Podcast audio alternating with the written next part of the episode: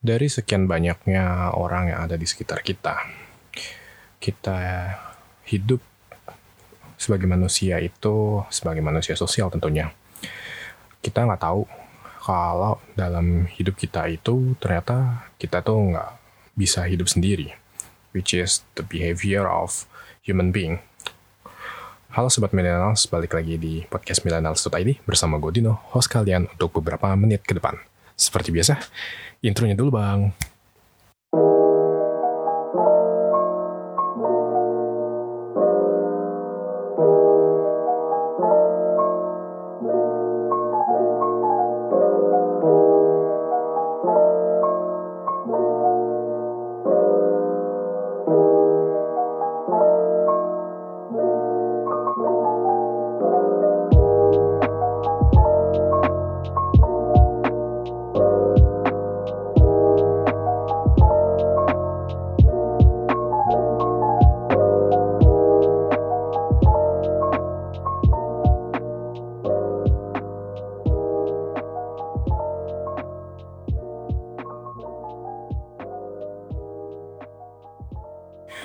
Alright, here we go again. Balik lagi masih bersama gue Dino di podcast millennials.id.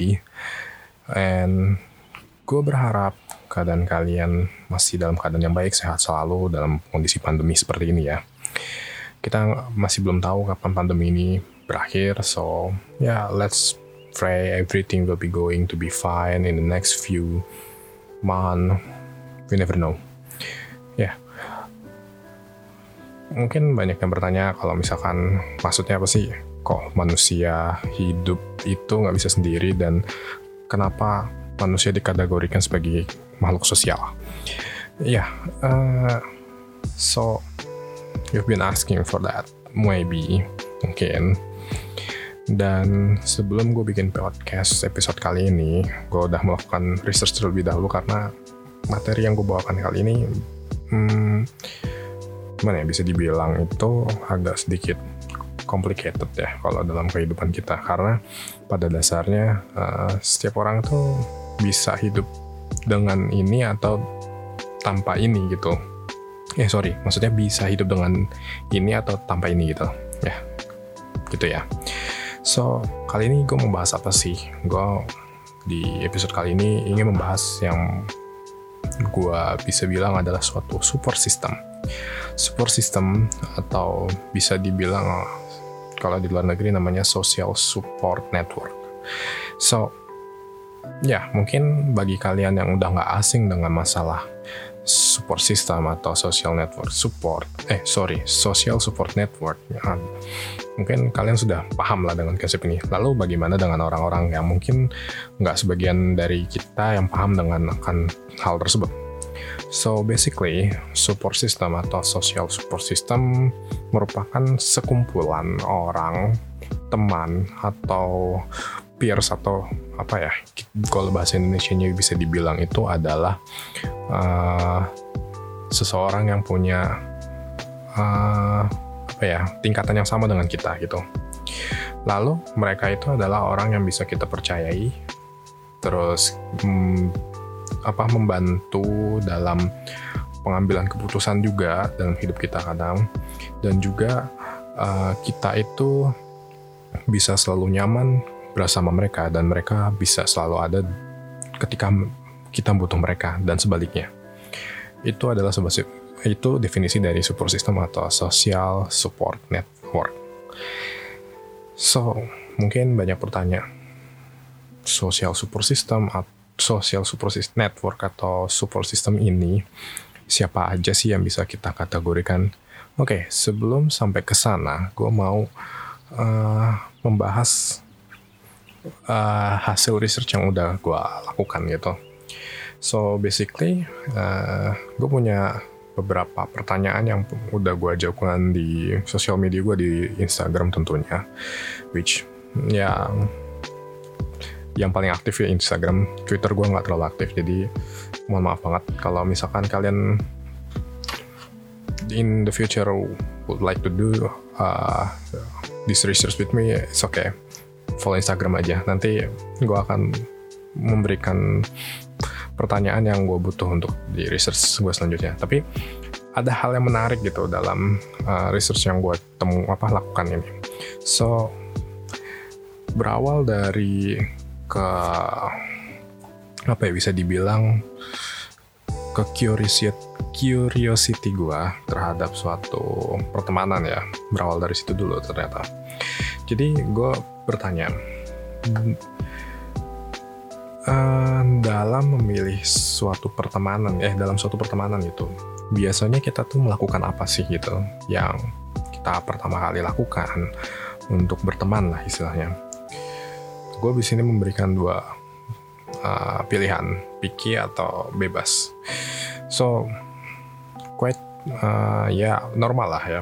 Kalau pada dasarnya dalam suatu pertemanan itu kita ada yang bebas dalam memilih teman dan picky terhadap suatu teman. Tapi persentasenya itu ya dari data yang udah gue dapet ini 59% lebih kepada picky terhadap teman dan 41% dari mereka bebas aja gitu memilih teman tapi hal yang menarik itu, walaupun ada orang yang memilih bebas saja memilih teman, tapi mereka di pertanyaan yang selanjutnya, dalam satu lingkaran pertemanan itu mana sih yang lebih penting? Gue gue bertanya di sini, apakah kualitas apa kuantitas gitu?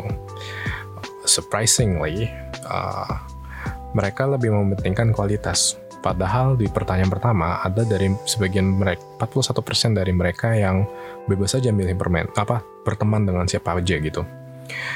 Tapi ya oke, okay, it's fine. Setiap orang punya kebebasan dan haknya untuk memilih per, suatu pertemanan. Dan ya sedikit dari mereka juga mungkin ketika gue bertanya di pertanyaan yang selanjutnya, apakah kalian punya support system gitu dalam pertemanan mereka? Uh, which is uh, 75% dari orang yang sudah menjawab, mereka bilang mereka punya gitu. Dan dari 25% dari mereka nggak paham dengan support system itu apa. So, at this moment, uh, gue bisa pastikan Oke, okay, mostly dari teman-teman yang ada di uh, sosial media gue sudah paham dengan konsep support system itu apa. Tapi buat bagi mereka yang 25% yang masih belum paham uh, support system itu apa, uh, selamat datang di podcast ini. Gue akan sedikit menjelaskan support system itu seperti apa. Ya, seperti yang udah gue jelaskan tadi di awal, support system adalah suatu kumpulan orang-orang yang kita percayai. Terus, kita terdiri dari teman, keluarga, atau dari orang-orang yang setara dengan kita. Dan mereka itu bisa mensupport kita dalam pengambilan keputusan atau juga memberi dukungan, memotivasi, dan juga um, memberikan rasa nyaman kepada kita saat kita membutuhkan dan mereka membutuhkan kita juga gitu. Karena support system itu didasari ada ya kita nyaman dengan mereka saat kita membutuhkan mereka dan mereka bisa nyaman ketika mereka membutuhkan kita. Itulah landasan dari support system yang harus dibangun dari awal. Karena kenapa? Pada dasarnya kalau uh, kita berbicara masalah support system gitu, support system itu ya pada dasarnya harus bisa saling mempercayai satu sama lain. Karena jika kita nggak bisa mempercayai satu sama lain, bagaimana pada dasarnya kita bisa membantu mereka gitu. Apalagi kita yang harus dibantu oleh mereka. Bukankah it, itu ada hal yang harus kita pikirkan gitu. Jadi nggak asal, eh bebas aja gue milih teman gitu. Tapi it's okay menurut gue. Sebebas-bebasnya orang kan pasti ada ya caranya dia sendiri untuk memilih teman. Lalu di pertanyaan yang selanjutnya, gue bertanya seberapa penting sih untuk kita atau kalian mempunyai sebuah super system gitu dan dari dari uh, berapa tadi ya? Dari sekitar 75% yang udah dijawab gue bisa kelompokkan lagi. Di sini 75% orang ini yang udah punya support system ini merasa 65% dari mereka merasa bahwa support system itu penting dalam kehidupan mereka which is uh, support system benar-benar uh, istilahnya membantu dalam uh, gimana ya men-shape bagaimana kita itu menjadi orang gitu. Karena pada dasarnya kembali lagi manusia adalah sebagai makhluk sosial yang di mana tidak bisa hidup sendiri. Kita harus hidup bersama orang lain gitu untuk menentukan jalan hidup kita. Ya maksud iya kita nikah sama diri kita sendiri. Nggak mungkin kan? Ya joke aside. Dan 38% dari mereka merasa oh biasa aja kok.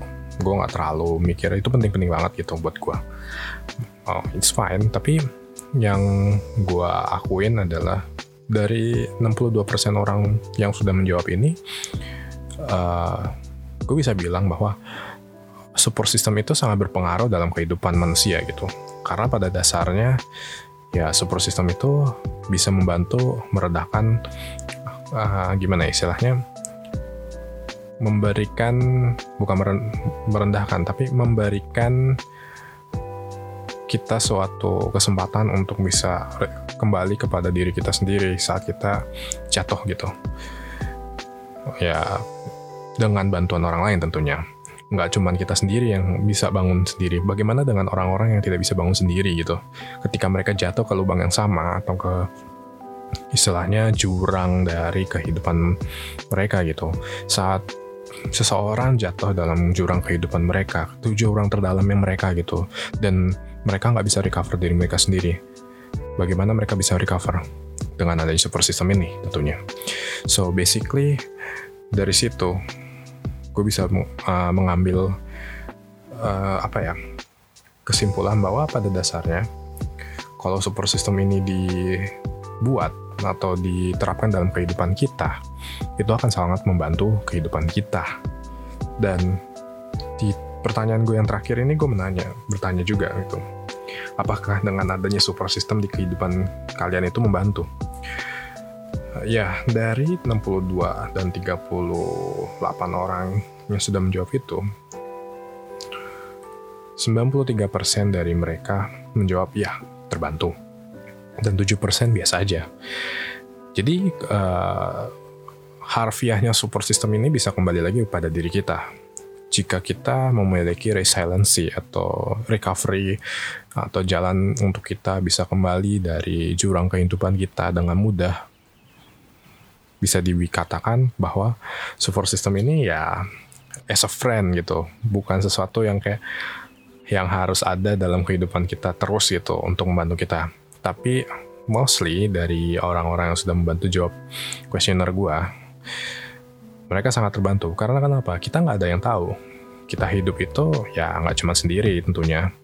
Kita harus bisa sharing kepada orang lain ketika kita punya masalah, kita juga harus bisa mendengarkan mereka. Bukan hanya saja gimana ya? Bahasa kasarnya itu cuma ada ketika orang itu butuh gitu. Tapi ketika orang itu butuh lo, lo nggak ada di buat dia gitu. It's kind of selfish for me to understand the human behavior like that. Ya, gue hidup juga udah 20 tahun lebih gitu hampir seperempat abad gitu. Dan gue paham bahwa pada dasarnya ada manusia-manusia yang ya bisa dibilang ego gitu egois dan nggak peduli dengan teman-temannya lah. Lalu bagaimana sih kalau kita bagi orang-orang yang belum punya support system ini untuk bisa punya support system ini gitu? Apa apa aja yang harus gue lakukan gitu? Kalau misalkan sebagai orang yang belum punya support system dan gue belum tahu nih support system itu sorry seperti apa. Bagaimana gue harus memilah memilih dan memfilter untuk bisa punya support system ini atau social support network. So basically uh, gue ada beberapa poin yang udah gue catat ya dari kemarin hasil riset juga Nah, bagaimana sih memilih orang-orang yang bisa kita kategorikan sebagai support system? Yang pasti pertama, orang yang pasti kita bisa percaya dong. Loh, ya dong. Nggak mungkin kita percaya sama stranger 100% gitu. Eh, cuy gue percaya sama lo nih. Walaupun gue belum kenal, tolong ya kalau ada apa-apa bantuin gue. Nggak mungkin dong kayak gitu. ya menurut gue hal seperti itu terdengar sangat gimana ya bilangnya kayak bodoh enggak tapi kayak sebagai ya kayak ini orang serius apa bercanda sih? Gitu. Kan orang kalau orang belum percaya sama dia bagaimana bisa orang itu percaya sama kita juga gitu? Kita nggak percaya dia tapi dia dia pun juga nggak bakal percaya sama kita. So the first thing we should know when we going to choose our support system is trust. Karena gimana ya bisa bilang? Itu tanpa kita percaya orang satu sama lain tanpa kita percaya dia. Ibaratnya kita membuka diri kita kepada mereka gitu. Dan mereka juga harus membuka diri kepada kita juga jadi harus sama-sama trust gitu. Not to judge one to other gitu. Karena pada dasarnya kalau kita menjadi orang yang kayak kok lu punya rahasia gini? Kok gue jijik ya? Atau gue uh, iri ya atau apalah ya kata-kata negatif yang menurut gue sangat mempengaruhi pikiran kita gitu. Dan kalau kita tidak ada rasa trust di antara orang ini kita dan orang ini ya bagaimana kita bisa mempercayai kehidupan kita kepada dia dan dia kepada kita juga. That's the thing. Yang kedua adalah bisa atau ada ketika kita butuh dan dia juga ada ketika ah gini sorry. Kita ada ketika dia butuh dan dia ada ketika kita butuh. Jadi saat sama-sama mengisi itu poin kedua. Karena kenapa? Ketika kita terus yang ya gimana ya? Bilangnya itu kayak dalam suatu pertemanan kalau kita itu cuman give give atau take take pada dasarnya itu bukan sesuatu support system yang kita definisikan itu. Itu cuman hak sebuah keegoisan dalam suatu pertemanan di mana ya taking advantage of one another gitu. Jadi ya bisa dibilang ya kita harus saling mengisi, can be there whenever we need or they need us. Itu poin kedua. Hmm, untuk poin ketiga sebetulnya bisa gue bilang ini tuh agak hmm, gimana ya bisa dibilang itu tergantung ya more than family and friend itu uh, bisa dibilang ya ini preferensi dari masing-masing orang gitu. Ada orang yang mungkin di luar dari keluarga bisa dijadiin social support network atau support system atau teman yang mereka sendiri yang mereka percaya dari ya teman dari zaman kecil lah gitu. Tapi ini poin ketiga ini adalah preferensi sendiri gitu more than family and friend ini adalah preferensi masing-masing orang. Ada yang nyaman dengan support sistemnya sebagai keluarga, atau ada yang nyaman, oh sorry, bukan sebagai keluarga, tapi dari keluarga atau dari teman gitu, teman kita. Lalu poin keempat, yang paling penting, bukan teman, eh, bukan musuh lo gitu. Ya ya dong, masa support system lo adalah musuh lo gitu. Ya mana lo kalau nggak percaya sama dia dan dia adalah musuh lo, ngapain lo jadiin support system? Not make sense gitu. Oke, okay. paham ya maksudnya ya. Gak perlu gue ulang lagi. Not your enemy, pasti. Jangan jadikan musuh lo sebagai suatu support system. Karena pada dasarnya dia nggak akan memotivate lo. Lalu yang selanjutnya di poin ke 5.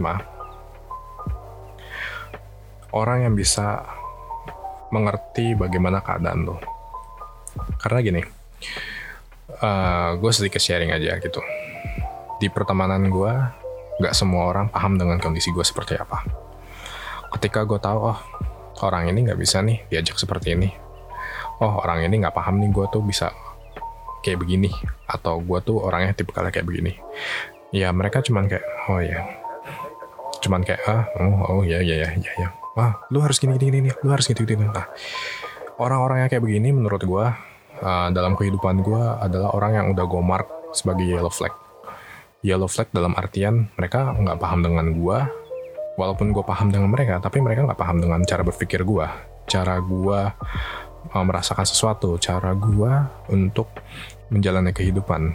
Jadi ya ketika lo menemui orang-orang yang seperti ini, ya gue sih menyarankan untuk memberi yellow flag atau red flag dalam ya istilahnya ke mereka ya dari elu gitu. Tapi pada dasarnya untuk mendapatkan suatu support system adalah orang-orang yang benar-benar bisa meng apa ya memahami bagaimana cara lo berpikir, cara lo merasakan sesuatu, cara lo menjalani kehidupan. Mereka harus paham akan tersebut, hal tersebut. Walaupun pada dasarnya kalau dilihat uh, secara kasar kehidupan lo itu ya hanya lo yang tahu gitu. Gak semua orang bisa paham dengan hal tersebut. Tapi at least ada seseorang yang bisa, oh, tahulah kulit dari kehidupan lo seperti apa. Kurang lebih seperti itu. Lalu lanjut ke poin nomor 6 orang yang bisa memotivasi, memotivasi diri lo. Karena pada dasarnya ketika orang yang akan masuk ke dalam social support network atau support system ini harus bisa memberikan motivasi kepada, kepada lo gitu. Karena kenapa? Kalau nggak bisa memberikan motivasi kepada lo, bagaimana lo itu bisa meyakinkan diri lo sendiri kalau misalkan lo lagi jatuh ke jurang kehidupan, ada orang yang akan membantu lo. Walaupun itu bisa gue kategorikan sebagai resiliency yang akan gue omongin di episode yang akan mendatang. Ya, memotivasi adalah salah satu hal yang benar-benar gue bisa bilang uh, uh, dibutuhkan dalam support system. Karena kenapa? Kalau nggak ada yang bisa support satu sama lain, bagaimana support system itu bisa berjalan? Bisa sih berjalan, tapi pincang menurut gue. Oke. Okay. Uh, sampai poin ke-6. 2, 3, 4, 5, 6 ya gue harap sudah dapat gambaran ya untuk memilih seperti apa mereka uh, support system itu lalu poin ketujuh poin ketujuh itu sebenarnya sih balik lagi ya prevensi lah ya. Kalau tapi gue sih lebih menyarankan ya karena di untuk mencari support system itu kita harus nyaman dengan mereka. Karena kalau oke okay, dia bisa memotivasi gue dia bisa memberikan dia bisa mengerti gue dia itu adalah teman gue bisa ada ketika gue ketika gue butuh dan dia butuh gue juga dan gue percaya sama dia. Tapi kalau gue nggak nyaman sama dia buat apa gue menjadikan dia support system comfort is a must. Karena pada dasarnya kalau lo nggak nyaman dengan seseorang apa pun yang diberikan orang kepada lo lo nggak bisa terima dengan ikhlas. Ini adalah hal yang menurut gue gue alami dalam kehidupan gue ketika orang yang paling dekat sama gue bilang kalau cuy lo tuh harus gini gini gini gini. Nih tapi mereka nggak paham gue ya walaupun gue paham sama mereka dan gue tapi gue nggak bisa nyaman dengan, dengan mereka. Dan pada akhirnya advice atau saran atau ya apa pun itu yang diberikan kepada gue jadi seperti kayak masuk kuping kanan kok keluar kuping kiri gitu. Karena gue nggak bisa nyaman dengan mereka. Even though mereka adalah orang yang benar-benar bisa gue percayai gitu. Dan itu sudah masuk kategori yang bisa gue kategorikan sebagai support system. Tapi gue nggak nyaman di sisi mereka itu adalah suatu permasalahan. Jadi sebisa mungkin lu nyaman dengan seorang support system ini. Siapa pun itu. Teman lo keluarga lo pacar lo even ya teman yang baru lo kenal pun juga butuh waktu untuk bisa menjadi support system. Nggak bisa serta merta eh tolong ya bantuin gue ketika gue ada problem. Lo nggak bisa serta merta menjatuhkan sebuah box kehidupan lo pada orang lain tanpa lo bisa nyaman dengan mereka ya gitulah. Bahasa kasar gue bisa gue bilang seperti itu. Dan yang terakhir a peace with yourself first. Kita berdamai dengan diri kita sendiri. Itu adalah sesuatu yang penting untuk bisa memilih support system yang baik gitu.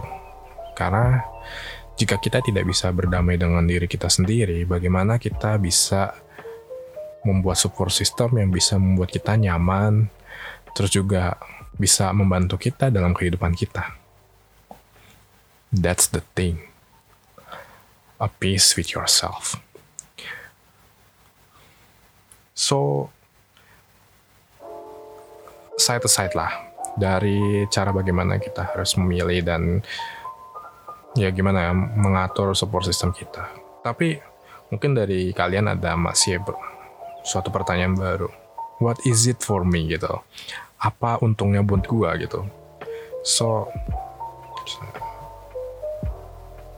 So gue udah menulis uh, possibility ya yang bisa gue bilang ini adalah apa ya mungkin nggak langsung dirasakan gitu butuh waktu gitu dan menurut gue ya ini balik lagi kepada diri kalian apa yang kalian rasakan dengan teman-teman kalian gitu dengan support system kalian ini gitu so basically gue punya lima poin tapi gue nggak tahu ya. Uh, ini bisa menjadi patokan apa enggak karena kembali lagi kepada diri kalian yang sudah mengalami gitu.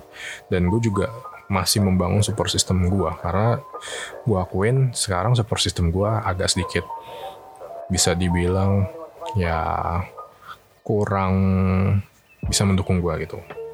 So, what is it for me gitu? Apa yang bisa menjadi buat gue gitu? Yang pertama pasti ada orang yang bisa menawarkan bahunya untuk lo, untuk bersandar gitu. Ketika lo lelah dengan kehidupan di dunia ini dan lo butuh seseorang untuk sekedar ya bertopang untuk sebentar lah gitu ya istilahnya ya atau beristirahat sebentar ada seseorang yang benar-benar siap untuk uh, meminjamkan pundaknya untuk lo beristirahat untuk sebentar aja at least gitu lalu yang kedua ketika ada support system ini kita itu punya seseorang yang kita bisa share problem kita dan juga bersama-sama mencari solusi dari problem yang kita share tersebut. Nggak cuma kita, dia pun kalau punya problem, share ke kita. Siapa tahu kita bisa bantu dia gitu. Itu adalah alasannya kita butuh support system, simbiosis mutualisme. Bukan cuman suatu hubungan parasitisme yang hanya menguntungkan salah satu pihak gitu. A lecher gitu ya. Bisa gue bilang kayak gitu. Nggak, nggak kayak gitu ya tapi seseorang yang benar-benar bisa saling membantu. Walaupun lu punya masalah apa, ya share aja dulu. Siapa tahu teman lu bisa bantu. Dengan si support system ini ya. Bukan jangan sama stranger gitu. Kalau sama stranger hitungannya ya lu cuma buka aib gitu. Bisa jadi aib lu bentar menyebar ke mana-mana. Lalu uh, dengan adanya support system ini kita tahu sendiri ya mungkin dari kita sebagai manusia gitu kita punya tendensi untuk mohon maaf kalau kalian adalah salah satu dari orang-orang ini uh, punya mental illness atau yang paling jelek adalah kecenderungan untuk melakukan action yang tanda kutip itu berbahaya.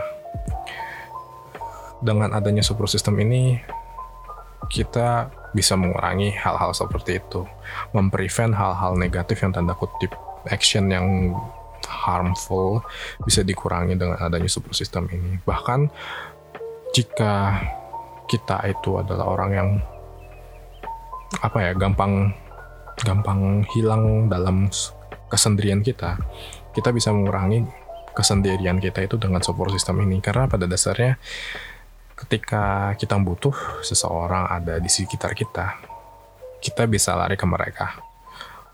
Ya untuk selalu bersama apa untuk berbicara untuk apa bahasanya untuk sharing untuk biar kita nggak terlalu disibukkan dengan hal-hal yang bisa menjadi negatif itu. Apalagi kalau kalian punya mental illness, itu akan adalah sesuatu yang menurut gue butuh banget gitu. Karena gak semua orang paham kalau lo tuh punya mental illness. Bahkan gue sendiri pun juga bisa dibilang ya berada di situasi tersebut dan orang gak paham kalau gue tuh seperti itu dari gue kecil. So basically that's the point number three. Nomor 4, less stress. Less stress atau mengurangi stres lah istilahnya. Dengan adanya orang-orang seperti ini di sekitar kita yang membantu, memotivasi dan memberikan jawaban dari problem yang kita sharing akan memberikan ya meringankan beban stres kita dalam kehidupan kita. Gue tahu mungkin gak semua orang bisa kayak gitu, tapi at least ada seseorang di dalam kehidupan kita yang bisa melakukan hal-hal tersebut siapa pun itu at least one person in this place eh, in this world in this world. Dan yang terakhir adalah memberikan motivasi improve motivation. Karena dengan orang yang tepat gitu dengan support system yang tepat kita akan termotivasi gitu. Orang itu akan memberikan motivasi kepada kita. Orang itu nggak akan takut memberikan motivasi kepada kita karena dia tahu kalau kita lagi benar-benar jatuh ke dalam jurang kehidupan kita. Dia akan berada di sana untuk memotivasi, memotiv, memotivasi kita dan memberikan hal-hal yang bisa menjadi power buat kita untuk kembali lagi gitu. Oke, okay, so setengah jam gue udah ngobrol panjang lebar dan semoga apa yang udah gue berikan sedikit jelas ya mengenai support system ini. Dan ya gue harap dengan pandemi ini kalian bisa apa ya istilahnya ya gue tahu dengan adanya pandemi ini kita menjadi mindset kita berubah gitu dari gue sebagai orang yang biasanya bisa gini bisa gitu jadi oh dengan adanya pandemi seperti ini jadi kayak serba mess up gitu. Dan ya gue akuin juga tak mendekati akhir tahun ini gue juga sedikit mess up banget gitu. Dan ya semua orang pasti mengalami hal tersebut gitu. Dan gue harap dengan adanya episode kali ini membahas masalah support system itu seperti apa terus siapa aja mereka dan apa aja yang kita rasakan manfaatnya. Gue harap bisa membantu buat kalian yang mungkin di masa-masa pandemi ini kurang bantuan dari orang-orang di sekitar kalian. Ya, gue tahu uh, pandemi ini sangat berat dan kita sama-sama berjuang di pandemi ini. So, my best guess is do what you need to do in order to make yourself feel better. Even though you are in the really brink of stress, in the brink of doing something really harmful, please don't do that. Please don't do that. Honestly, I've been there and I'm still walking through ya lintasan-lintasan itu gue masih berjalan di sana dan gue juga bisa aja suatu hari jatuh lagi ke jurang tersebut tapi gue berharap apa yang gue berikan di sini bermanfaat bagi kalian gitu. Semoga bisa membantu membuat support system bagi kalian yang membutuhkan. Dan buat kalian yang sudah punya support system itu, gue harap support system itu dijaga dan juga mudah-mudahan ke depannya bisa membantu lebih banyak gitu. Nggak cuma kalian aja, tapi di sekitar kalian. And that's all from me. Thank you for listening. Dan gue harap uh, podcast kali ini bermanfaat. Dan kalau bermanfaat, jangan lupa di-share dan juga masukannya jika ada. So that's all for me. Thank you for listening and I hope you enjoy this episode. See you in the next episode. Seperti biasa, outro-nya dulu bang.